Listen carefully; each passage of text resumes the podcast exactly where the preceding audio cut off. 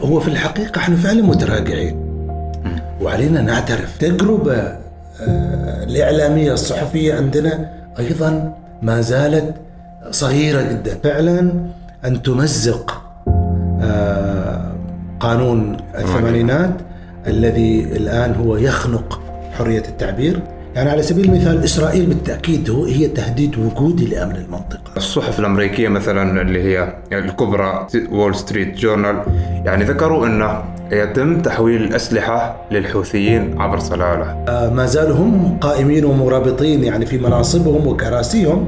أيض- أيضا هؤلاء ينبغي أن يكنسوا. يعني خلينا نرجع إلى موضوع التطبيل لأنه موضوع شيق. وهذا في الحقيقة هو خيانة للأمة. دائما لما تجي تعبر برأي معين أو فكرة معينة آه أنت تؤمن فيها تجيك اتهامات آه مطبل آه صهيوني آه عميل خائن. أتينا هكذا بنوع من النزق. لممارسة هذه الحرية الجديدة. أن هناك من اتهم السلطة القضائية آه، بالغش آه، واتهم القضاة آه، بالرشاوى لكن الإرادة السلطانية شيء والقوانين الحاكمة شيء آخر. لهذا تعاملوا مع زكريا وغير زكريا من إعلاميين وصحفيين وكتاب وفقا للنصوص. ولهذا تم قضم بعض الصحف وبعض الإعلاميين وجرح بعض الكتاب. ودعاة مصادرة الكتب هم دعاة للتخلف الرجعية وأن يكون هناك غطاء أممي لهذه الإرادة فالحرب في اليمن ستستمر بصورة أو بأخرى.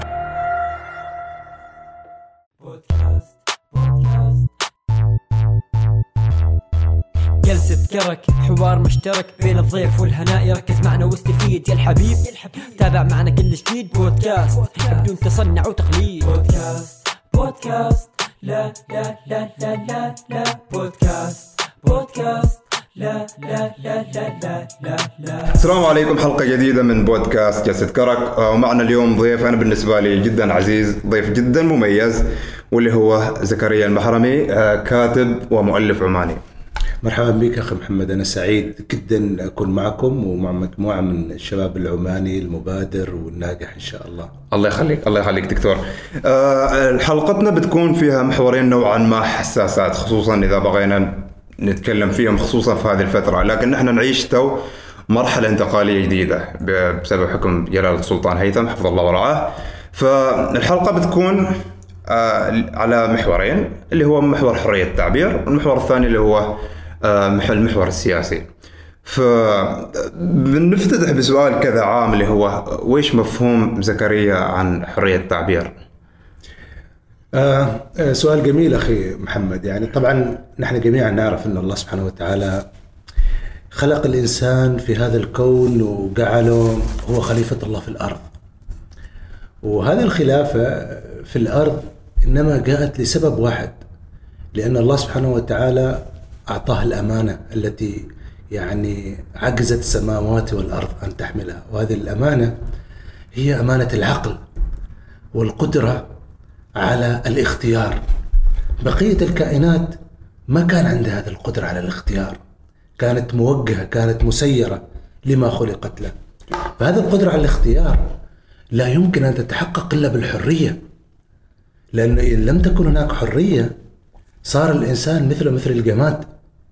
لهذا هو إنسانية الإنسان قائمة على فكرة الحرية. طيب هناك أيضا مفهومين للحرية. مفهوم ما يسمى بالحرية السلبية. بمعنى أنه دائما يقول لك ما هي الحرية؟ الحرية هي غياب الموانع. الحرية غياب القيود. الحرية آه، غياب السلطات. هذا معنى سلبي. معنى قائم على الغياب الغياب الغياب. طيب ممكن يكون هناك إنسان ما عنده قيود ما عنده سلطة ما عنده أي موانع لكنه لا يمارس هذه الحرية لا يختار لا يبادر. فلهذا قالوا هذا المعنى السلبي للحرية. المعنى الحقيقي للحرية هو ما يسمى بالحرية الإيجابية بمعنى أن الإنسان مع وجود القيود مع وجود الموانع مع وجود يعني كل الموا... الحواجز ضده إلا أنه يحاول قدر الإمكان أن يمارس التكريم الإلهي الذي الله سبحانه وتعالى وهبه إياه بحرية الاختيار. وهذه الممارسة تكون نوعين تكون ممارسة عملية وممارسة قولية وليست فقط مجرد ممارسة داخل العقل لأن الممارسة داخل العقل هي آه، أقرب إلى الحرية السلبية. أنت تفكر وخيالك يروح بعيد ولكن لا تنطق لا تفعل. هذا المعنى السلبي للحرية. المعنى الإيجابي للحرية الذي جاء به الإسلام والذي قامت عليه يعني شرعة ما يسمى الآن بحقوق الإنسان هو هذا المعنى الإيجابي. بمعنى أن يسمح للإنسان بأن يمارس هذه الحرية فعلا وأن يمارسها قولا. فهذا هو معنى حرية التعبير. هي مرتبطة تماما بفكرة التكريم الإلهي للإنسان. جميل جميل جميل جدا. آه نحن بنحاول نركز على على حرية التعبير أو مفهوم الحرية معنا في واقعنا في السلطنة. لأن آه لو نلاحظ مثلا في التصنيف العالمي من اللي هو وكالة Reporters Without Borders تصنيف السلطنة من 180 دولة اللي هو 132 فهذا يعتبر تصنيف جدا متدني. حتى في اللي هي المؤسسة الفكرية الأمريكية the Freedom House يقولوا أنه في دول تصنف إنها free في دول هي not free صحيح. فنحن نريد نعرف ويش الأسباب اللي خلتنا نحن نتراجع أو مصطلح الحرية هم بالنسبة لهم شيء ونحن شيء آخر. لا هو في الحقيقة إحنا فعلا متراجعين. وعلينا نعترف. الآن هو السؤال لماذا تراجعنا وتقدم الآخرون؟ آه، في تصوري التراجع له أسباب كثيرة. السلطة السياسية هي سبب كبير من هذه الأسباب رؤيتها. ولكن أيضا المجتمع هو سبب آخر. خليني أبدأ من المجتمع لأنه أنا أنتمي إلى هذا المجتمع أنا لا أنتمي إلى السلطة السياسية. المجتمع أيضا في عدة مشاكل أو عدة نواقص خلينا نقول. الناقص الأول مقارنة بالمجتمعات التي سبق إليها التعليم المدرسي أتحدث. يعني أنت تنظر إلى مثلا الدول الأوروبية وجدت الجامعات من القرن السابع عشر يعني قبل 400 سنة وقبل 300 سنة.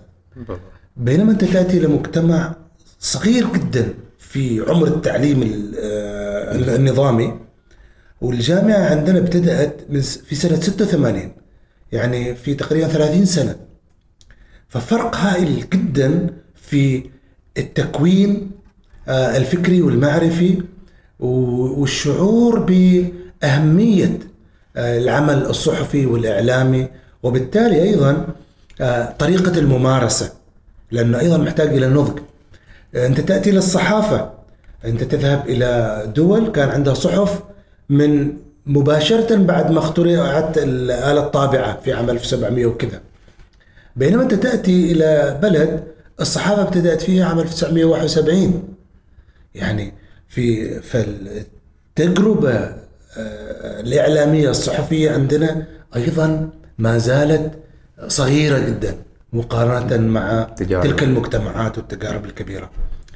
آه، وأيضا في في مجتمعنا أيضا عندنا ما زال مجتمعنا في آه، القبائلية ما زال مجتمعنا في المناطقية ما زال في أيضا روح الذكورية وما زال في أيضا نحن مجتمع محافظ جدا بحيث إنه في كثير من الأشياء اللي يمكن آه، الصحفي في المجتمعات الأخرى يراها بديهية. مثلا يتحدث كثير عن قضايا المرأة هي هذه تعتبر خطوط حمراء في مجتمع مثل مجتمعنا والمجتمعات اللي حوالينا.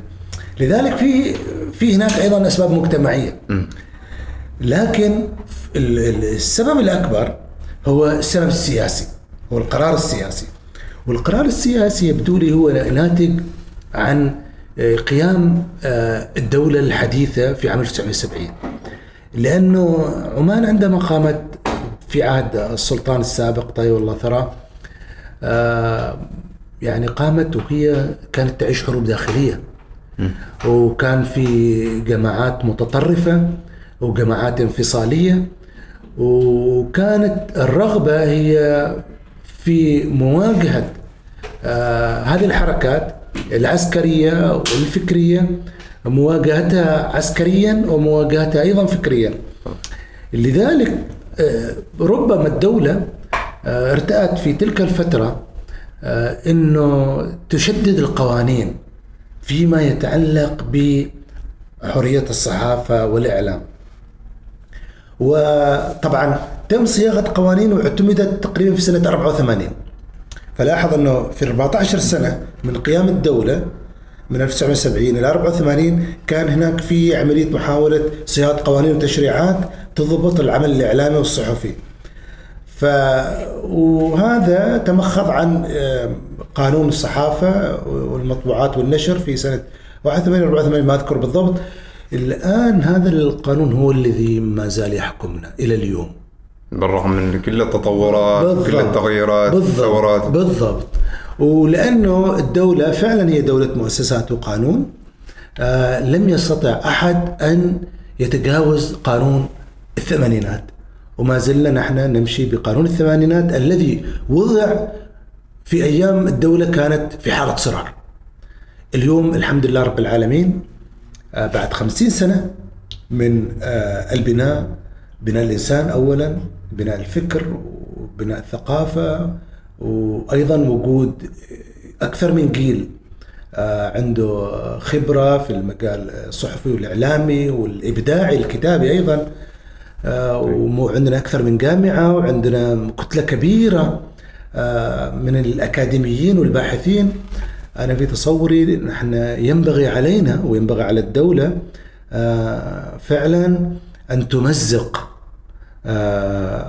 قانون الثمانينات الذي الآن هو يخنق حرية التعبير.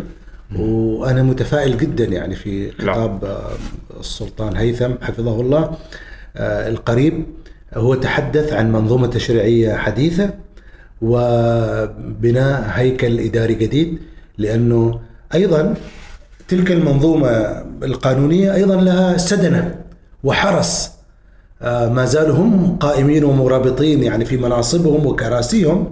أيضا هؤلاء ينبغي أن يكنسوا آه، وتؤتى بدماء تضخ دماء جديدة آه، ولكن هذه الدماء لن تستطيع أن تتنفس. ما لم يكن هناك أكسجين من التشريعات المناسبة للفترة أكيد. القادمة. يعني أنت مع تعديل أو إلغاء القانون بالكامل؟ أنا مع إلغاء القانون ووضع قانون حديث متطور يتواكب مع يتواكب مع اللحظة. هنا في في سؤال على أساس إن آه، ننتقل للمحور اللي بعده اللي هو آه، دائما نلاحظ لما يجي الشخص آه، يمدح الحكومة أو يمدح التشريعات أو يمدح السلطة ما حد يقول له شيء. بالعكس يعني حتى ظهر مفهوم اللي هو حرية التطبيل. لكن لما تجي تنتقد مثلا حكومة أو تشريع أو جهة معينة هنا ممكن إنك أنت تحاسب أو تساءل ليش قلت.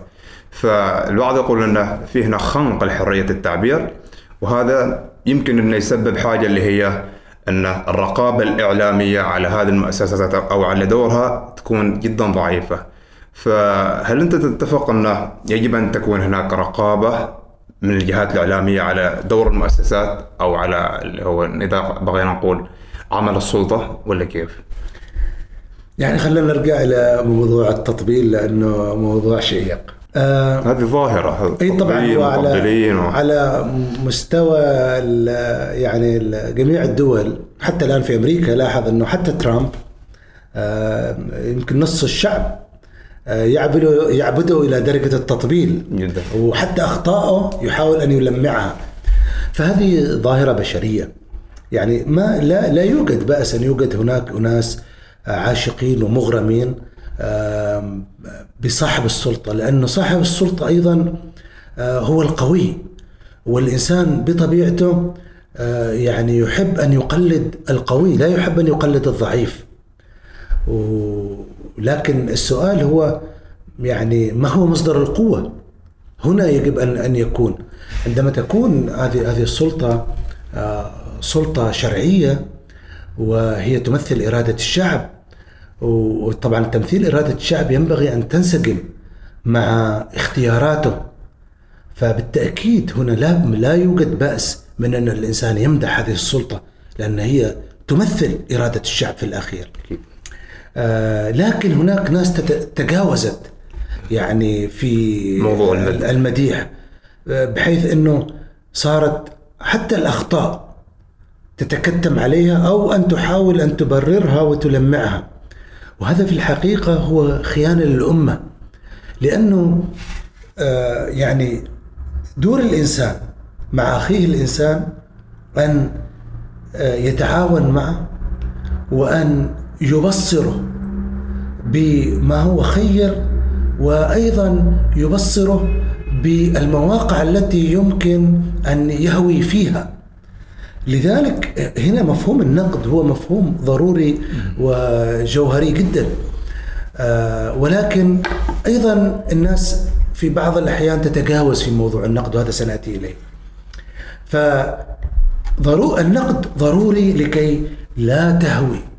القاطرة التي تقودها السلطة تهوي في مهاوي الردى لأنه من يركب في هذا القطار؟ هو المجتمع هي الأمة هي الدولة. لذلك علينا أن نبين أن هذه المنطقة خطرة هذه المنطقة خطأ. آه، عندما نقوم بهذا التبيين والتوضيح الم- المجتمع كأنك تبين للجسم بأن هناك جرح وعليه أن يحاول أن آه، يلأم هذا الجرح. أما عندما تترك الجرح هكذا ستأتيه الجراثيم وربما يستمر في النزيف والالتهاب إلى أن يقضي على الإنسان. فالنقد هي مثل التنبيه على مثل هذه التقرحات والجروح في الجسد. آه، لكن أيضا هناك من يمارس النقد آه، بصورة مشوهة. يظن أن النقد هي فرصة لإخراج كل عقده الاجتماعية وعقده النفسية. صرنا نرى شخصيات لا تساهم في المجتمع بأي صورة إيجابية. لا تقدم أطروحة لا تقدم رايا مفيدا لا تساهم في أي مبادرة لا تجدها في طليعة آه، مجموعة عمل اجتماعي.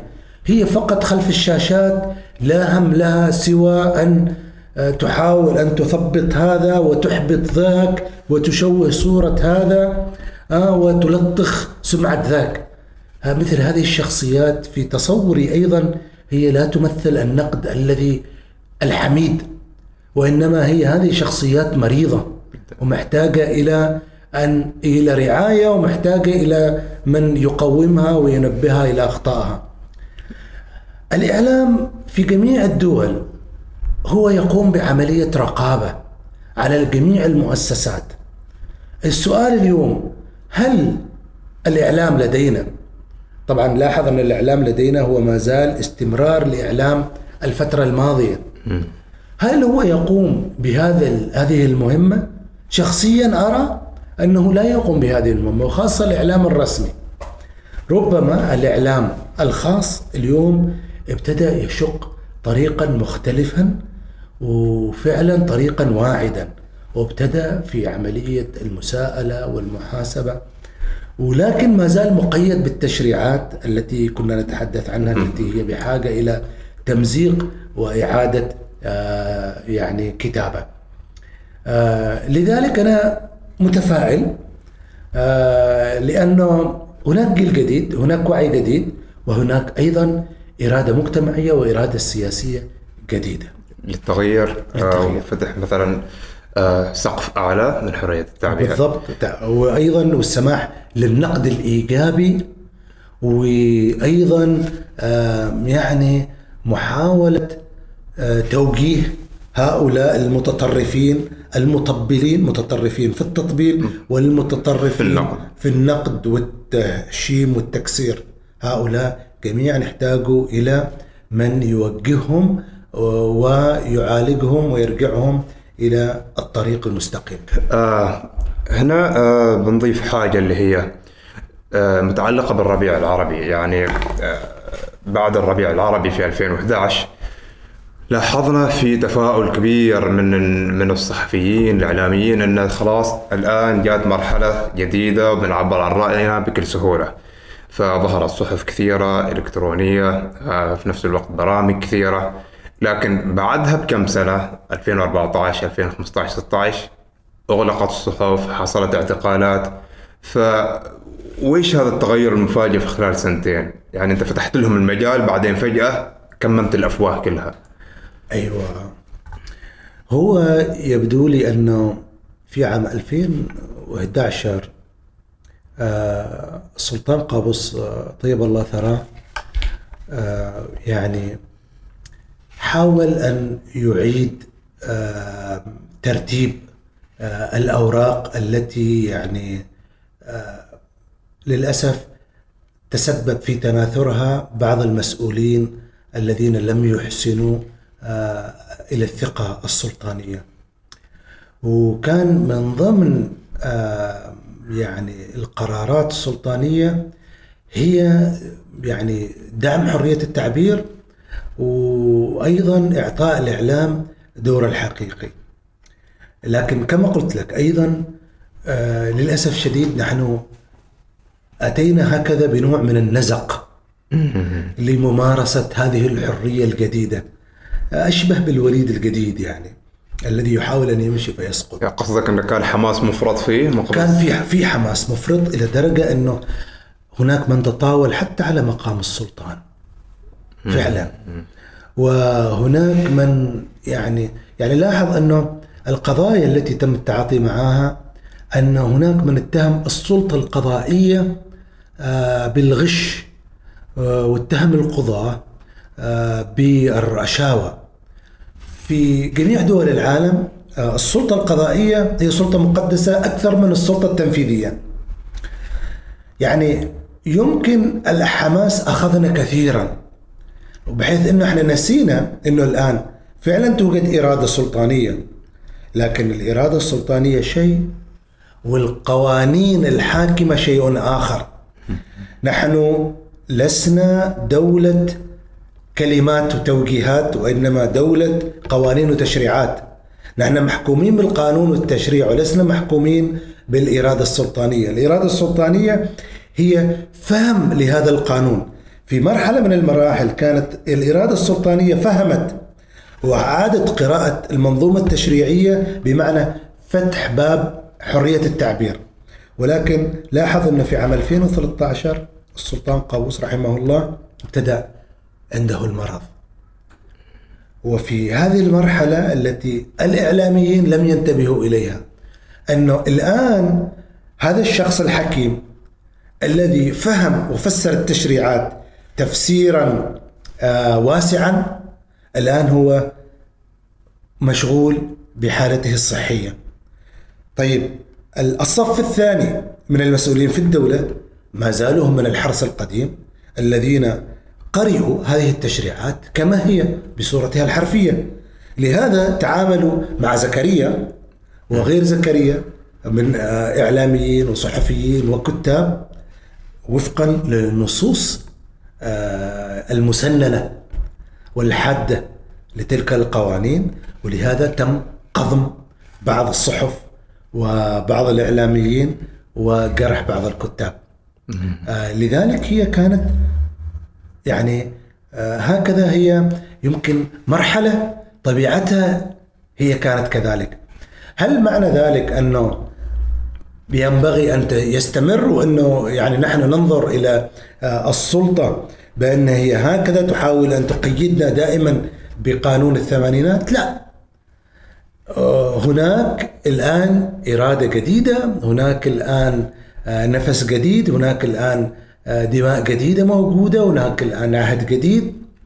وعهد مستنير وعهد كان على رأس مؤسسة ثقافية. آه، وعهد آه، أيضا يعني على رأس السلطان هيثم حفظه الله يعني قريب من الشباب جدا ومن الكتاب والمثقفين الإعلاميين. لذلك آه، أنا أشعر بحدثي الذي أثق فيه كثيرا.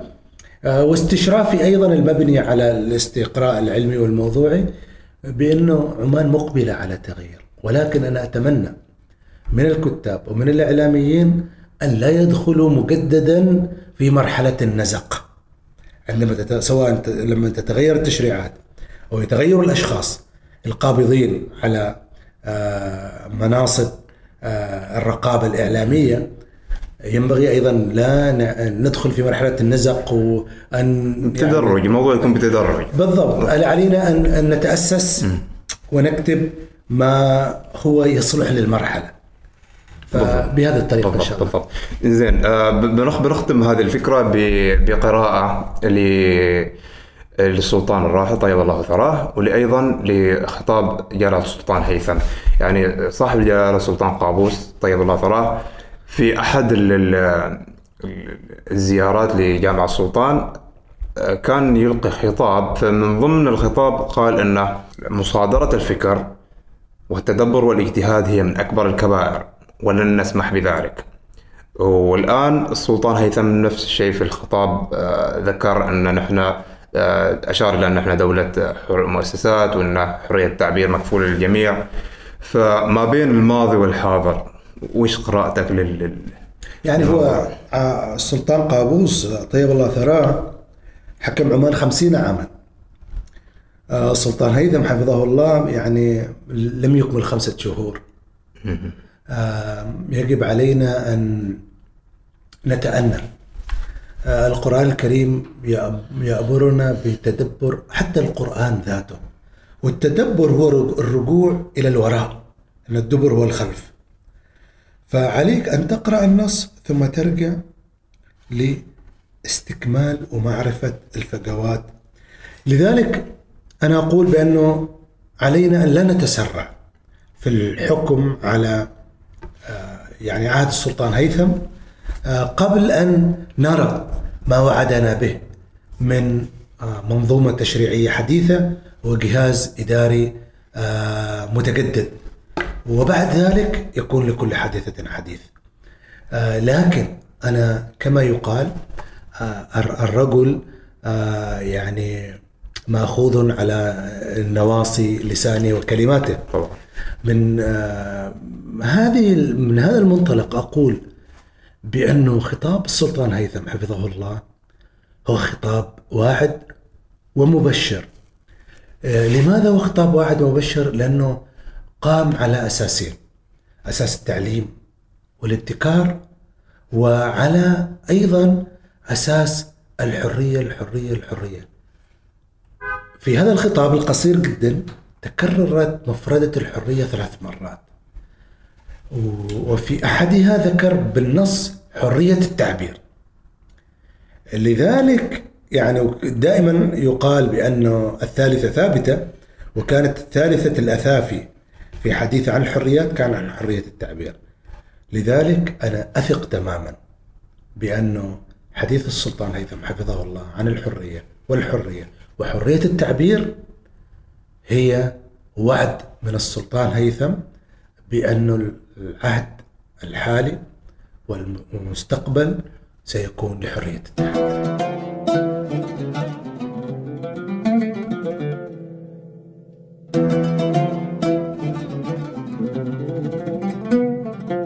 تحت الهواء آه، أنت ذكرت انه آه، اسأل براحتك أي سؤال.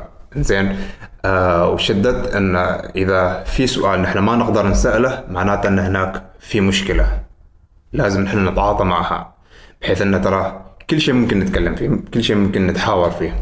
وهذا يقودنا للنقطة اللي هي خصوصا ما نتكلم عن حرية التعبير ان دائما نسمع في خطوط حمراء لا تتجاوزوا الخطوط الحمراء. ف ممكن إن الخطوط الحمراء هنا معنا كثيرة زين لكن للآن ما حد قال ترى هذه الخطوط الحمراء لا تتجاوزوها ما بين لو نقارن مثلا في الغرب أو حتى في بعض الدول إن ترى ما عندهم نفس هذه الخطوط. فويش سبب هذه الخطوط؟ ويش هي هذه الخطوط؟ أيوه جميل. هو دائما يعني يقال إنه في هناك آه، ثلاث مقدسات. طيب فهو المقدس الديني وفي مقدس سياسي وفي مقدس اجتماعي. المقدس الديني هو أنك لا تتكلم عن عقائد الناس. يعني مثلا عندنا في في عمان إنه عندنا نحن مجتمعنا عبارة عن فسيفساء من اديان ومذاهب. فإذا تتكلم عن التنوع بالجانب الإيجابي ما لا توجد هناك مشكلة. لكن عندما تتكلم عن هذا التنوع بقصد آه، يعني آه، التجريح وبقصد الإساءة على مكون من مكونات المجتمع فهذا يعتبر خط أحمر. فهذا فيما يتعلق بالمقدسات آه، الدينية أو الخطوط الحمراء الدينية. فيما يتعلق بالخطوط الحمراء الاجتماعية فهي دائما آه، فيما يتعلق حصرا قضية الجنس. فهناك قضايا يمكن أن نتحدث عنها وكما تحدث عنها القرآن يعني على سبيل المثال يعني تتحدث عنها تلميحا لا تصريحا. ولكن عندما تتحدث عنها بلغة واضحة فقة تصل إلى درجة الوقاحة واستخدام عبارات سوقية. إن أنت تتجاوز الخط أنت. الآن هذا أيضا خط أحمر اجتماعي. وخاصة عندما تتحدث عن اعراض الناس. في لكن هذا اتصور هو ليس يمكن أساس السؤال. أساس سؤالك هو فيما يتعلق بالخطوط الحمراء السياسية. بالضبط. الخطوط الحمراء السياسية دائما أي أي دولة أي نظام سياسي هو يراعي الجانبين الجانب الديني والجانب الاجتماعي لأنه هو أصلا قائم على هذا المجتمع ويريد أن يكون في حالة تناغم مع المجتمع. ولكن أيضا هو ذاته لديه خطوط الحمراء. بمعنى أنه عندما تأتي إلى نظام خلينا نقول هذا نظام عسكري. هذا النظام العسكري لأنه النظام العسكري قائم على القمع. وهو قائم على القوة والغلبة. لذلك أي واحد يحاول أن يتحدث عن شرعية هذا النظام فهذه يعتبر الحديث عن شرعية النظام خط أحمر. تحدث عن كل الأشياء الأخرى ولكن لا تتحدث عن شرعية النظام. لكن خلينا نتكلم عن مجتمعنا. نحن مجتمعنا العماني علشان نكون معك صريح وشفاف إلى آخر الدرجة نحن مجتمع نظامنا نظام ملكي. والنظام الملكي هو نظام توافقي بين المجتمع وبين الأسرة الحاكمة. وطبعا هذه يمكن أغلب دول العالم هي أنظمة ملكية. فيعني هو كثير من الناس ما تعرف أنه أوروبا أكثر الدول الأوروبية هي دول ملكية وليست دول جمهورية لكن هي ملكية دستورية. فهو النظام الملكي هو يمكن أقدم نظام ونحن أيضا كما أخبرتك إحنا نظام ملكي.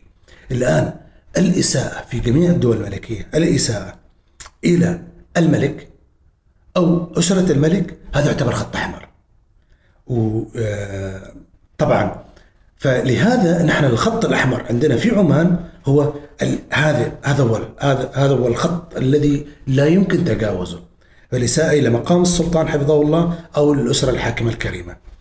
ولكن في في فترة ماضية كان السلطان آه، طيب الله ثراه له وظيفة أخرى بجانب كونه هو وظيفته آه، كسلطان.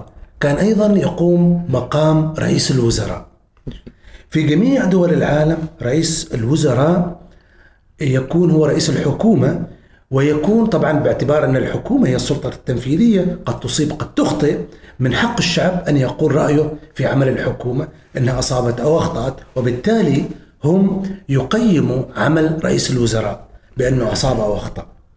كان عندنا في نوع من التداخل في الفترة الماضية آه، وإلى اليوم لأن لم تتغير التشريعات بأنه هل هذا القرار عندما اتخذوا اتخذته الحكومة اتخذوا رئيس الحكومة اتخذوا باعتباره رئيس وزراء أم اتخذوا باعتباره سلطان؟ لأنه لو اتخذوا باعتباره رئيس وزراء يفترض عرفا على مستوى العالم أن يجوز للناس أن تقول رأيها وأن تنتقد عمل وقرار الخاطئ لرئيس الوزراء إن كان خاطئا.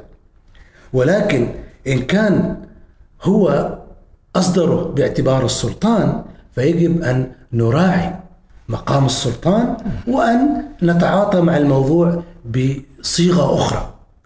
آه، لذلك أنا أتمنى في الفترة القادمة بإذن الله تعالى إنه هذا اللبس وهذا التداخل يختفي تماما وأنا أدعو ودعيت في في عهد السلطان قابوس رحمه الله لأن يكون هناك رئيس وزراء آه، يعني آخر غير عن السلطان شخصيا بحيث إنه يكون السلطان هو المشرف والمباشر لعمل الحكومة. ولكن الحكومة يعني هي منفصلة آه، يعني يقوم بمساءلتها ومحاسبتها ومراقبتها ممثلي الشعب مكارس تشريعية.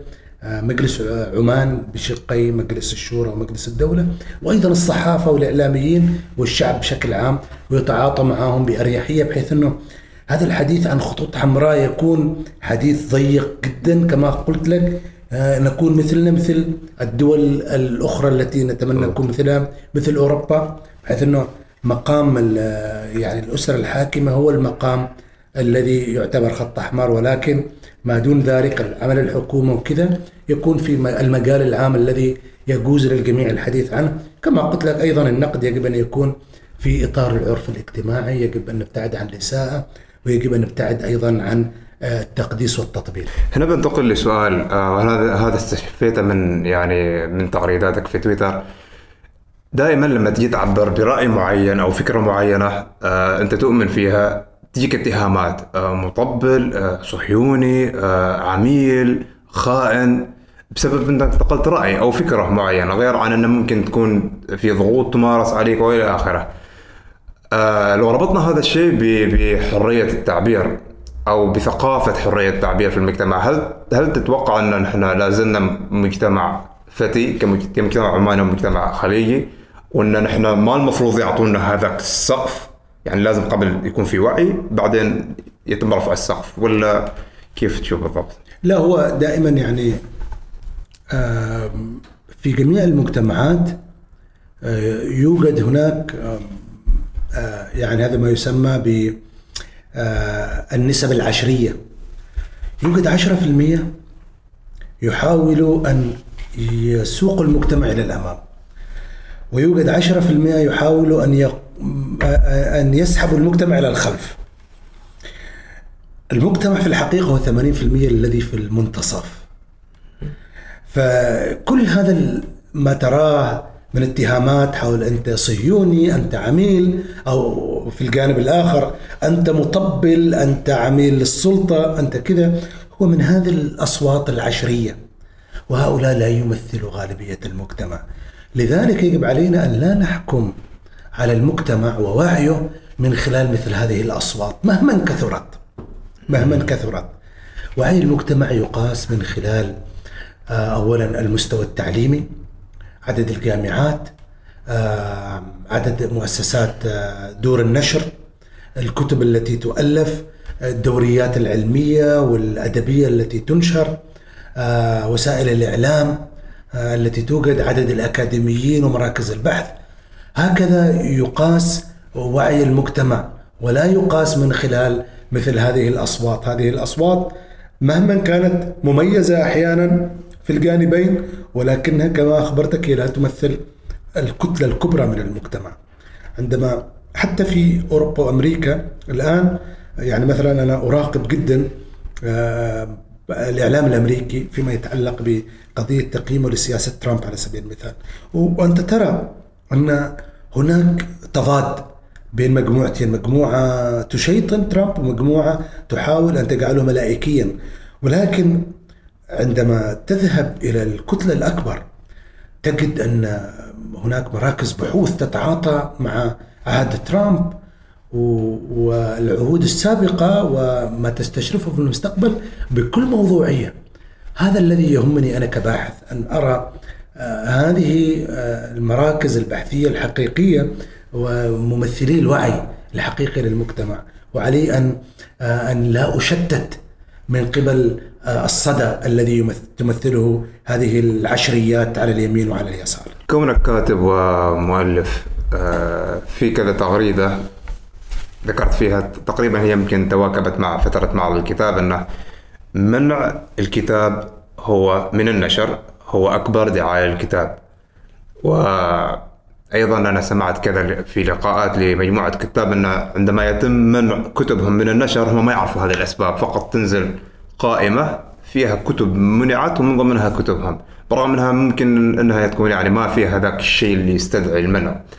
آه، وفي نفس الوقت في تصريح سابق لوزير الإعلام انتهى عصر اللي هو منع أو مصادرة الفكر ونشر الكتب. فوش قراءتك للموضوع؟ يعني أنا أتفق أنه منع الكتب هو في الحقيقة هو مجزرة للعقل وللوعي.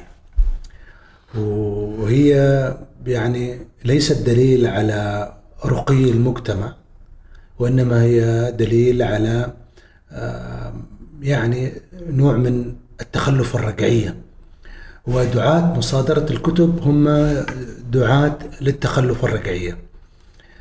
آه، وطبعا بعض الكتاب بالمناسبة يعني عرفوا أن لمنع الكتب فوائد كما يقال مصائب قوم عند قوم فوائده.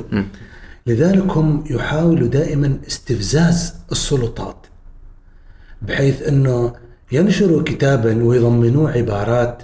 هم يعرفون أن هذه العبارات تستفز إما تستفز المجتمع مثل الحديث عن القضايا الجنسية أو تستفز السلطة الدينية في الحديث الإساءة مثلا إلى الذات الإلهية أو آه، بعض الشخصيات والرموز الدينية. أو يستمز يستفز السلطة أيضا آه، يعني يتحدث عنها بنوع من التجريح والتمخيس ويعمل على نشر هذا حتى قبل أن يصدر الكتاب وقبل أن يصل إلى الحدود. لذلك آه، يعني هؤلاء في المؤسسات الرقابية يمكن الأدرينالين يعني يضخ عندهم بكميات كبيرة ولا يستطيعوا أن يدركوا أن ما يقوم به هذا الكاتب هو نوع من الاستفزاز لهم لكي يقوموا بمصادرة الكتاب وبعد ذلك تقوم الناس بشراء الكتب عن طريق الطرق المختلفة. آه الآن أغلبها تأتي عن طريق البريد أو عن طريق بعض الناس الذين يقومون بتوزيعه آه في المجتمع. وهذا الكتاب لو لم يعني يقم الكاتب بذلك الاستفزاز هو كان يعلم بأنه لن ينظر إليه أي أحد ولن يلتفت إليه آه، أي قارئ. فتقدر تقول أنه هو يسعى لأن يتم منع الكتاب. هو يسعى أوكي. هو يسعى لذلك. آه لذلك أنا أقول بأنه على المؤسسات الرقابية أن أن تراجع نفسها وأن لا تقوم بعملية ردات أفعال. لأنه مجموعة من الناس قالت أوه هذا الكتاب يحتوي على مشهد جنسي. أوه هذا الكتاب يحتوي على إساءة لشخصية دينية. لا. يجب عليه على هذه المؤسسات أن يكون لديها يعني نظام في عملية الرقابة. وأيضا أرجع مرة ثانية وأقول بانه ما زالت المنظومة التشريعية هي منظومة الثمانينات التي أيضا بنيت على فكر الستينات والسبعينات. ما لم نقم بعملية غسيل آه، أمعاء لهذه المنظومة الرقابية من خلال تغيير الطعام الذي نقدمه إليها وهذا الطعام هو آه، يعني حزم القوانين والتشريعات. فسيظل المنتج هو نفس المنتج. بدن هزيل بدن قائم على المصادرة والمنع والحظر. آه، ونحن رأينا أنه في حتى في معرض الكتاب آه، الماضي قبل شهرين أو قبل شهر من الآن أيضا استمرت عملية المصادرة. لذلك أنا أتمنى بإذن الله تعالى آه، أنه نرى حزم التشريعات ما قبل معرض الكتاب القادم. وأتمنى أيضا بالإضافة إلى ذلك ليس فقط التشريعات أيضا آه، أن يتم آه، تطعيم المؤسسة الرقابية والإعلامية بمجموعة من الشباب العماني الواعي من الخريجين الجدد آه الذين يعني يستطيعون أن يتعاملوا مع استفزازات آه الشباب من جيلهم بنوع من الوعي والحذر وأن لا يأتي شاب صغير أو كاتب أو كاتبة مغمورة ويكتب عبارة ثم يأتي يعني رجل عاش طول عمره يعني 40 أو 50 سنة آه، حياة محافظة وتأتي لفظة أو عبارة تستفزه ولا يستطيع أن يقف أمامها سوى بأن يعطيها القفل الأحمر لا يمكن نحن محتاجين إلى جيل شاب يعلم أن هذه العبارة لا قيمة لها ولا صدى لها ولو تركت لما التفت إليها أحد. فنحن محتاجين إلى منظومة تشريعيه جديدة بإذن الله وإلى جيل شاب جديد في المؤسسات الإعلامية والرقابية للتعاطي مع هذا الموضوع وإن شاء الله أنا متفائل جدا بأنه لن نرى آه، مصادرة حقيقية لكتب. هناك نعم كتب يجب ان تمنع يعني هناك كتب على سبيل المثال كتب إباحية. آه هناك كتب تأتي وتشتم الله سبحانه وتعالى وتشتم الإسلام والنبي محمد. آه أو تأتي كتب وتشتم آه عمان شعبا وتاريخا. يعني بالتأكيد مثل هذه الكتب يجب أن يكون هناك للرقابة دور وحضور لكن ليس هذا حديثنا. حديثنا هو عن الدور المتضخم. والدور غير المقبول آه، ل يعني للرقابة التي قامت بمصادرة كتب بعد أن سمحت لها آه، بالحضور. وبالعكس هناك بعض الكتب فازت أصلا في مسابقات ثقافية في عمان ثم بعد ذلك تم مصادرتها. فيعني مما يدلك على أن هناك في نوع من آه، الحيرة والتخبط وعدم الوضوح في آه، هذا العمل الإجرائي. وإن شاء الله سنتجاوز هذا في الأيام القادمة.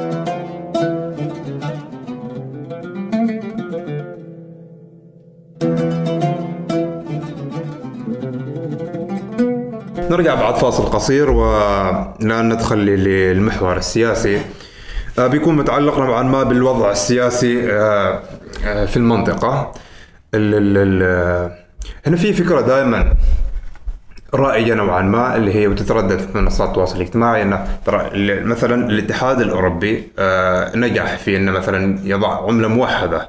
نجح في إنه يحقق أهداف يعني كثيرة. كونهم هم ما فقط خمس دول مجموعة كبيرة من الدول.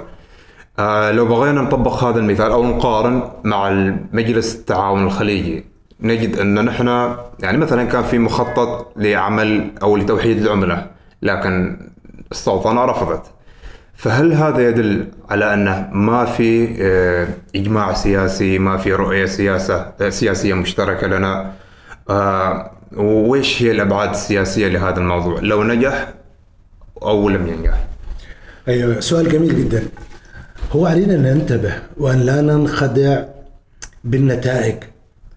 علينا أن نلتفت ونقرأ البدايات. في السبعينات كان السلطان قابوس طيب الله ثراه هو أول من دعا إلى إقامة وحدة خليجية آه، شبيهة بالاتحاد الأوروبي. وتحدث عن أن هذه الوحدة لا يمكن أن تتم بفقط قرار سياسي وإنما من أجل الوصول إلى هذه الوحدة الخليجية يجب أن يكون هناك وحدة تشريعية ووحدة اقتصادية. للأسف الشديد دول الخليج. من تلك الفترة ومن بعد تأسيس المجلس في سنة 81 إلى ما بعد آه، احتلال العراق للكويت عام 1990 وتحرير الكويت في عام 1991 لم تأخذ مثل هذه الأقوال والأفكار العمانية محمل الكد. وظلت على ما هي عليه ترفض الوحدة التشريعية ترفض الوحدة الاقتصادية ومستمرة فقط بأن مجلس التعاون هو فقط أن يسمح للمواطنين بالحركة البينية بالبطاقة. لكن في ما بعد الربيع العربي عندما أحست بعض الدول بأن وجودها كيانها الوجودي مهدد هي تحدثت عن وحدة خليجية شاملة فكان الجواب العماني واضحا أنه يا جماعة الخير عليكم أن تتعلموا من تجارب الآخرين الاتحاد الأوروبي كيف قام؟ قام أنه في عام 1950 بعد تأسيس آه، الأمم المتحدة آه، وبعد انتهاء الحرب العالمية نعم. الثانية قرر الدول الأوروبية بأن عليها أن تتحد لكي تقف صفا أمام الخطر الشيوعي آه، الذي يمثله تمثله روسيا. فابتدأوا قالوا إذا الخطة تبدأ من خلال التوحيد الاقتصادي وهذا التوحيد الاقتصادي يبدأ من خلال شركات معينة كان شركات نقل وشركات صناعة الحديد. ولم يأتوا إلى توحيد العملة إلا ما بعد عام 2000 لاحظ 50 سنة هناك في بنية تشريعية وبنية اقتصادية ومصالح مشتركة ومن بعد الخمسين سنة بتتدخلوا في طور آه، وحدة العملة. وهذه وحدة العملة أيضا كانت اختيارية بداية ثم كان إجبارية للجميع ما عدا بريطانيا. فلهذا إنك أنت آه، تتحدث عن وحدة خليجية يعني بهذه الصورة بصورة آه، الفزعات القبائلية آه، أنت اذا لا تتحدث عن دولة تعيش في القرن الواحد والعشرين وإنما تتحدث عن دول ما قبل الجاهلية. لهذا كان موقف العماني موقف واضح بأنه علينا أن نتفق معكم ولكن يجب أن نتبع المسار. طيب بعض الدول يعني في الخليج آه، قررت بأنها هي غير معنية بالملاحظات العمانية وأنها ستذهب في طريق الوحدة. ما الذي حصل؟ اختلفوا حتى في أين يقع آه، البنك المركزي الخليجي. هل يقع في الرياض أم يقع في أبو ظبي؟ ثم اختلفوا ماذا نسمي العملة؟ هل نسميها خليجي أم نسميها دينار أم نسميها درهم أم نسميها ريال؟ فبسبب هذه الخلافات ال- البسيطة جدا ويعني آه، آه، اختفى هذا الموضوع. طيب لم يكمل هذا الخلاف حول موضوع مركز البنك المركزي الخليجي يعني موقعه وتسمية العملة الخليجية لم تكمل أشهرا معدودة. حتى رأينا أن ثلاث دول خليجية تحاصر قطر. فحصار حقيقي يعني قوي وبحري وبري. آه، وأنت والجميع يعرف يعني إنه كان عمان والكويت رفضوا هذا الحصار وبعد ذلك آه، يعني تم فتح الاجواء من خلال المناطق الأخرى التي ليست على الحدود مع تلك الدول. مما يبين انه الرؤية العمانية كانت رؤية حقيقية وموضوعية. نحن لم نتعاطى مع الفكرة وفق منظور أو معطى عاطفي ولم ننجرف وراء العاطفة وإنما كنا نسير وفق يعني تبعا لهدايات الأدلة والبراهين التي استقيناها من التاريخ ومن الحاضر.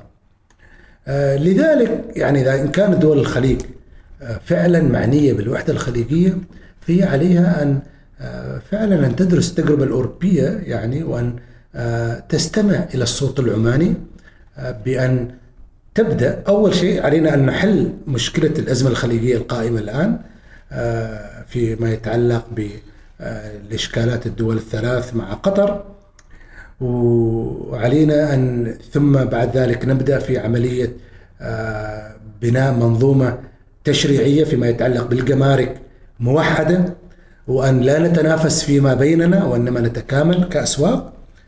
ويعني الآن ما هو حاصل أن تنظر سوق النفط يعني هناك دول خليجية تغرق سوق النفط بحيث إنه دول أخرى مثل عمان والبحرين والكويت تتأثر يعني كثيرا جدا جدا. آه، بما تقوم به آه، الدول الشقيقة الخليجية. لذلك أن إن لم يراعي كل طرف فينا آه، البنية الاقتصادية والاجتماعية والسياسية للطرف الآخر في هذه المنظومة فنحن نسيء إلى بعضنا بعضا ولن ولا يمكن أن نتجه إلى طريق الوحدة. فعلينا ان أن نكون ان, نبني ان أن نؤمن في حقيقة بالوحده بفكره الوحده وأن نسير في المسار الطبيعي لهذه الوحده بناء تشريعات بناء تكامل آه، وفتح حدود بالتأكيد وثم آه، يكون هناك نوع من التكامل الأمني كما صار في أوروبا يعني حلف الناتو صار له أكثر من آه، 40 عاما أو 50 عاما. وثم نتجه إلى التكامل السياسي آه، يأتي في مرحلة لاحقة. ولا نقلب هذه التراتيبية ولا أن الموضوع كله سينهار. جميل جميل. زين وش ال- الدروس اللي ممكن نتعلمها من هذه الأزمة؟ يعني أهم درس بأنه دول الخليج يجب أن يعني أن تراعي في سياساتها آه، مكوناتها الاجتماعية أكثر من مراعاتها ل آه، يعني الرغبات الخاصة لبعض القادة السياسيين. اليوم لاحظ أن مجتمعاتنا الخليجية هي نسيج واحد يعني لاحظ أن عمان والإمارات على سبيل المثال نحن دم واحد تاريخ واحد جغرافيا واحدة. آه، المجتمع الكويتي آه، والسعودي آه، والقطري كذلك. والمجتمع العماني والإماراتي مع ممكن المنطقة الشرقية في السعودية بتداخل نسيج كبير. البحرين وقطر والبحرين والمنطقة الشرقية في السعودية هي لحمة واحدة. لذلك إن كانت دول الخليج في علاقاتها البينية إن لم تراعي مثل هذا المقدس الكبير مقدس يعني المكون الاجتماعي ال- الواحد فنحن في الحقيقة وكأننا نقوم بعملية تجريح للذات تجريح للذات. فهذا الدرس الأول هو يجب أن تكون مصلحة ال- ال- المجتمع مقدمة على رغبة السياسي.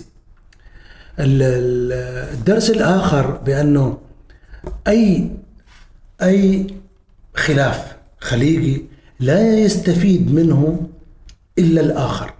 الآخر الإقليمي كما هو الآن على سبيل المثال من هو المستفيد من خلافاتنا؟ في مجلس التعاون المستفيدة هي إيران هي تركيا هي إسرائيل هي الدول الأخرى التي ليست دول خليجية ولا دول عربية. هي مستفيد أكبر من من هذا التخلخل. بالإضافة إلى أن الآخر الدولي أمريكا وأوروبا التي يعني صارت هي الآن أكبر مصدر للأسلحة إلى السوق الخليجية آه، التي تقوم بهذا عملية التكديس للأسلحة آه، بسبب المخاوف الهواجس البينية فيما بينها. أيضا من الدروس آه، المستفادة بأنه يعني آه، هذه آه، التحركات والدعوات غير الناضجة إلى فكرة وحدة وفكرة آه، يعني تكوين مثلا منظومة واحدة. آه، علينا إن, إن هي هذه الدعوات دعوات فاشلة. ونحن رأينا نتائج فشلها في هذه الأزمة الحالية. وأن الطريق الحقيقي للوحدة الخليجية إنما يقوم على ما تحدثنا عنه سابقا بأن يكون هناك في بنية اقتصادية واحدة تكامل سوقي وجمركي ويعني تكامل تشريعي وأيضا السماح لحرية حركة المجتمع وحرية التزاوج في ما بين آه، شعوب الدول الخليجية لأنه هذه الحرية التداخل والتزاوج هي من أكبر عوامل الشعور بالانتماء والوحدة آه، المجتمعية وبالتالي آه، الوحدة النظام السياسي. أيضا من ضمن الأشياء التي يجب أن ننتبه إليها قضية حرية الشعوب. ما تزال آه، حرية الشعوب في كثير من دول المجلس آه، ما تزال ناقصة. آه، هناك يعني بعض المجتمعات غير قادرة على التعبير لا عن موافقتها ولا عن رفضها للسياسات لدولها. وهناك أيضا دول عندها حرية متضخمة إلى درجة الإساءة إلى الدول الأخرى. فعلينا جميعا أن نصل إلى مرحلة من الوعي المشترك بما هو مقبول وما هو مرفوض فيما يتعلق بحرية الشعوب في التعبير وحريتها أيضا في التعاطي مع الشأن الداخلي للدول الأخرى. دون تعدي ودون تجريح جميل جدا أساس نختم موضوع اللي هو مجلس التعاون هل تتوقع أنه راح ينفك مستقبلا أو أنه راح ترجع اللحمة. في على المستوى السياسي كل شيء جائز. لا يوجد في السياسة ما هو يعني كل شيء متوقع يعني. أيوه نعم كل شيء متوقع وكل شيء وارد. لا يوجد خصم أبدي ولا يوجد صديق أبدي. صديق اليوم قد يكون عدو الغد وعدو اليوم قد يكون صديق الغد. وهذا نحن رأيناه مثلا في مواقف آه، الدول العربية مع مصر عندما قاطعتها في سنة آه، 81 تقريبا آه، في اتفاق أو 76 ما لا أذكر الآن بالضبط اتفاقية كامب ديفيد آه، عندما عقدت مصر مع إسرائيل. الدول العربية كلها قاطعت مصر ثم بعد ذلك هذه الدول أعادت علاقاتها مع مصر. يعني ممكن اليوم أكون معك وبكر ضدك بكر ضد بالضبط. فلهذا أنا أتوقع أنه ممكن غدا نسمع أنه كل دول الخليج آه، صارت آه، يعني وكأنه كما يقال طاح الحطب وصافيه لبن بالضبط. أيوه بإذن الله تعالى ونحن نتأمل ذلك. إن شاء الله إن شاء الله. زين هنا في سؤال دائما نقول أن ترى في لما دولة مثلا تقوم بعمل معين أو فعل معين يقول إن هذه تراها تهدد أمن المنطقة تهدد استقرار المنطقة. فلو بغينا نصيغ السؤال من هي الدولة اللي جالسة تهدد أمن المنطقة أو استقرارها بشكل خاص على دول الخليج بشكل عام على الشرق الأوسط؟ هل هي إيران إسرائيل أم من؟ يعني هو علينا أن نلاحظ يعني إن هناك كثير من الدول تقوم بتصرفات آه، تهدد أمن المنطقة. يعني على سبيل المثال إسرائيل بالتأكيد هو هي تهديد وجودي لأمن المنطقة.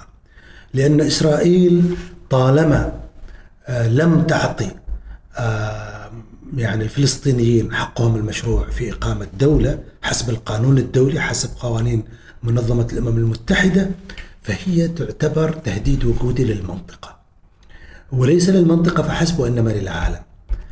أيضا إيران إيران بتدخلها في كثير من الدول العربية هي أيضا تهدد أمن المنطقة لأن أي دولة تتدخل في الشأن الداخلي للدول الأخرى هي تهدد أمن المنطقة. أيضا هناك دول عربية يعني علشان أنا اسمحني لا أستطيع أن أسميها لأنه آه يعني لا. أثير لا أثير حساسية البعض تدخلها أيضا في الشأن الداخلي لدول عربية مثل سوريا وليبيا واليمن ومصر آه يعني وتونس هي تسيء للمنطقة وتهدد أمن المنطقة. يعني السياسة العمانية القائمة على عدم التدخل في الشؤون الداخلية للآخرين هي ما هي المتوافقة مع شرعة الأمم المتحدة ومع ما يقره يعني القانون الأخلاقي الإنساني. وعلى الجميع أن يكف يده عن التدخل في الشؤون الداخلية للغير وأن نعم أنا أتفهم أن يكون مثلا لدول خليجية يعني تخوفات مما يحدث في اليمن وما يحدث في العراق وما يحدث في سوريا على سبيل المثال أو ليبيا ولكن يجب أن لا يكون هذا التدخل بصورة مباشرة وإنما عن طريق منظمة الأمم المتحدة. كل واحد عليه أن يصون حدوده البرية والجوية والبحرية. لن آه، ليلومك أحد ولكن عندما تذهب قواتك ومؤسساتك المالية والأمنية إلى دول أخرى فأنت ملام وأنت متدخل بشكل أو بآخر في الشؤون الداخلية وتهدد أمن المنطقة. بما أنك ذكرت آه، وتكلمنا عن أمن المنطقة واستقرار المنطقة آه، أك- من أكثر الأشياء اللي جالسة نوعا ما مسببه قلق اللي هي حرب اليمن نحن كعمانيين يعني كونها على حدودنا حدود محافظة ظفار فهي نوعا ما مسببه قلق وتطلع شائعات وإلى آخره. في هنا سؤال يعني يقول لك مثلا آه، الصحف الأمريكية مثلا اللي هي الكبرى Wall Street Journal يعني ذكروا إنه يتم تحويل الاسلحه للحوثيين عبر صلالة. فويش رأيك في الموضوع وهل هذا صحيح أو لا؟ يعني لاحظ أنه الآن في تقريبا أكثر من أحد عشر شخصية حوالين الرئيس ترامب من مستشارين ورؤساء تنفيذيين هم داخل السجون هؤلاء ناس داخل الإدارة الأمريكية وهم الآن داخل السجون لماذا؟ لأن لهم علاقات خارجية مع دول. لهذا يعني لماذا أنا أعطيك هذه المقدمة؟ لكي أقول لك بأنه إن كانت المنظومة السياسية الأمريكية مخترقة من قبل المال السياسي العابر للحدود فأيضا مراكز آه، التفكير أو ما يسمى بالثينك تانكس ومراكز الدراسات والكتاب والصحف في أمريكا وفي أوروبا هي أيضا مخترقة وموجهة بالمال السياسي. هذه المقالات معروف من الذي يدفع لها. هي موجهة من قبل المال السياسي من بعض الفاعلين في دول المنطقة الذين آه، يعني هم غير راضين عن الحياد العماني ويحاولوا أن يثيروا شغبا آه، وقلاقل وبلبلة وفي ويحرضوا الرأي العام الأمريكي وصانع القرار السياسي الأمريكي آه، ضد السياسة العمانية. ولكن السياسة العمانية حكيمة ومتوازنة وهي لا تقوم بمثل هذه الأفعال الصبيانية. وأغلب آه، الكتاب الأمريكيين المستقلين وأغلب الأكاديميين المستقلين والسياسيين أيضا النزيهين عندما يأتوا لزيارة عمان أو عندما يقرأوا آه، خارطة القرار السياسي العماني هم يبدوا إعجابهم وتأييدهم بالعكس يدعو الإدارة الأمريكية إلى اعتبار عمان هي مركز الثقل السياسي آه، سواء كان على آه، مستوى العسكري لمثلا يعني الأسطول الأمريكي المرابط في المنطقة أو على أيضا مستوى الحراك السياسي بين دول المنطقة بدل من دول أخرى لأنه هم يروا المراهقة السياسية لدى تلك الدول التي تحاول أن تسيء إلى عمان. هل تتوقع انه بما ان ذكرنا اللي هو حرب اليمن، هل تتوقع أن حرب اليمن آه، يعني مثلا قلنا إن الدول اللي تحارب اليمن الآن جالسة تدمر فيها وصار الموضوع سنوات، هل تتوقع أنها هي نفس حرب أمريكا على أفغانستان؟ سنوات استنزفوا مليارات من ثم تنتهي كذا بدون يعني بدون سبب. هو يعني هو أشبه دائما فعلا هو يعني يمكن نأخذ أمثلة كثيرة. تدخل الامريكي في فيتنام آه، تدخل الروسي أو الاتحاد السوفيتي في أفغانستان وثم تدخل الأمريكي في أفغانستان وفي العراق. يعني الآن التدخل في اليمن أو في ليبيا أو في غيرها من الدول هو غرق في وحل أنظمة فاشلة ويعني الدولة مصنفة اليمن الآن نظام فاشل لأنه النظام لا يستطيع أن آه، يقيم يحكم الأمن ويدير السياسات الداخلية. آه، لهذا يعني أي تدخل عسكري في هذه المنطقة هو يعني تدخل غير حميد وتدخل آه، سيغرق هذا البلد في خسائر آه، لا تعد ولا تحصى. ولكن لاحظ أن هذه الدول التي تتدخل الآن في اليمن آه، ابتدأت الآن أيضا تدرك حجم خسائرها وابتدأت تغير سياساتها بحيث أنه ابتدأت تبعد قواتها وجنودها وتسحبهم وتحاول أن تدعم قوات محلية. وأنا أتصور أن الكل في النهاية آه، سيقوم بهذه العملية لأنه هو مدرك بأنه التدخل المباشر آه، لن يعني يؤدي إلا إلى دمار آه، حتى في داخل تلك الدول. لذلك أنا أتوقع يمكن على نهاية هذا العام أن لا يوجد أي جندي أجنبي داخل اليمن ولكن لا يعني ذلك توقف حرب اليمن. ربما سيوجد مرتزقة آه، من شركات أمنية سواء كانت أمريكية أو روسية أو من أمريكا اللاتينية. آه، وقد آه، توجد أيضا قوات محلية انفصالية تحاول أن تنافس الحكومة الشرعية. لذلك يعني الحل السياسي يعني الحل في اليمن هو حل سياسي وهذا الحل محتاج إلى إرادة سياسية من الأمم المتحدة من دول المنطقة.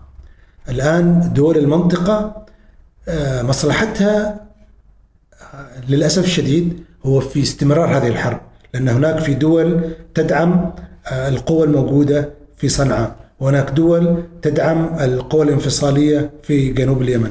وهناك دول تدعم الحكومة الشرعية. آه، لهذا وهذه كلها دول يعني قوى متحاربة.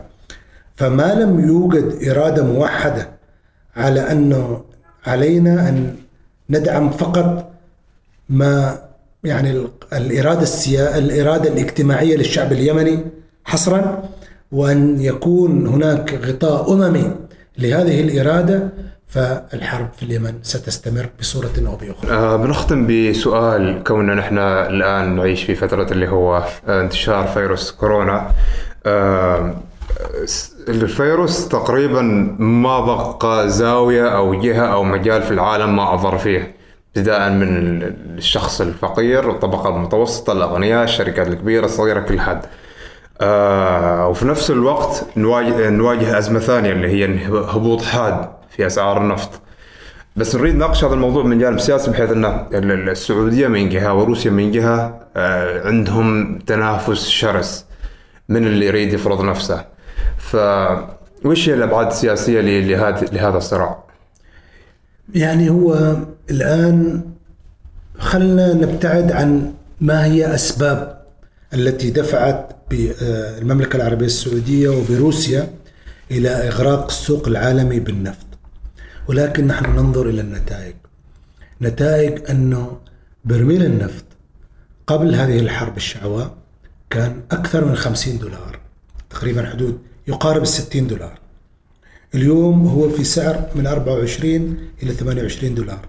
فيعني نقص ما يقارب من 60% ففي آه، روسيا والسعودية والدول التي وجميع الدول النفطية هي يوميا تفقد 60% من دخلها.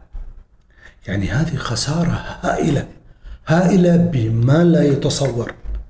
وهذه الدول جميع الدول المصدرة للنفط لن تستطيع البقاء بنفس آه، الرتم الذي كانت عليه ما قبل هذه الحرب آه، الاقتصادية بين الدولتين. طبعا هل هناك من مستفيد؟ نعم. هناك مستفيدون هي الدول المستوردة للنفط. وحتى يعني كانت الإدارة الأمريكية شجعت هذا الصراع والتنافس آه، بين السعودية وبين روسيا من أجل شراء نفط كميات هائلة لزيادة ما يسمى بالمخزون الاحتياطي الذي ربما يبلغ ما أعرف 12 مليار برميل آه، نفط آه، أرادوا أن يعني بحيث أنه يكفيهم لمدة تقريبا ستة أشهر إلى سنة ربما أكثر. لو صارت أي حرب. لو صارت أيوه لو نقص آه، يعني آه، الامداد العالمي للنفط لأنه يبدو أن آه، يعني صانع القرار الأمريكي يستشعر بأن هناك نقص حاد آت في إمدادات النفط. وهذا يجعلني اتوقس ما أن هناك مخطط لإشعال حرب في المنطقة. وهذا الحرب في المنطقة ستوقف قرابة 40 إلى 60% من الإنتاج العالمي للنفط. آه، لذلك أنا خوفي الأكبر ليس من نقص إمداد يعني أسعار النفط الحالية وهذا خوف يعني مشروع لأنه نحن نعاني ولكن خوفي الأكبر هو لماذا أرادت أمريكا وغير أمريكا لهذا الشيء ان يحصل.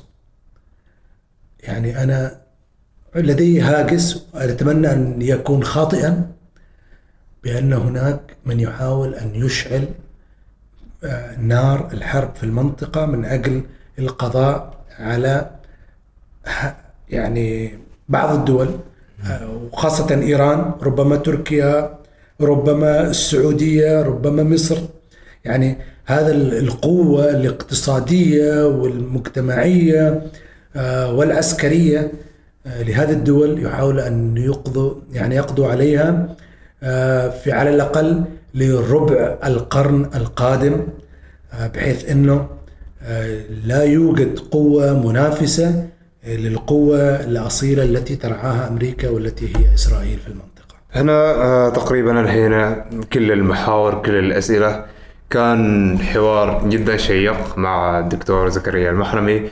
آه، رسالة أخيرة لمتابعين البرنامج. والله أنا يعني أولا أشكر الشباب القائمين على هذا يعني البودكاست بودكاست والفيدكاست وبودكاست أيوه طبعا.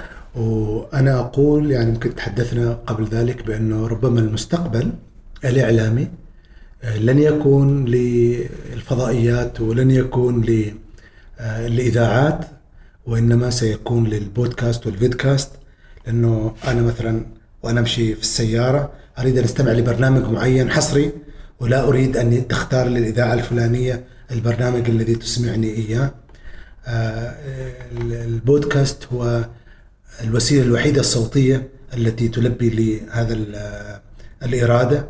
وأيضا الفيدكاست هي يمكن ستكون أفضل من اليوتيوب وغيرها في توفير هذه ال- الإرادة. وهذا أيضا يرجعنا إلى موضوعنا الأول موضوع الحرية بالضبط. حرية الإرادة وحرية التعبير. أنا شاكر لكم هذه الاستضافة تشريف. لكم التوفيق. الله يخليك.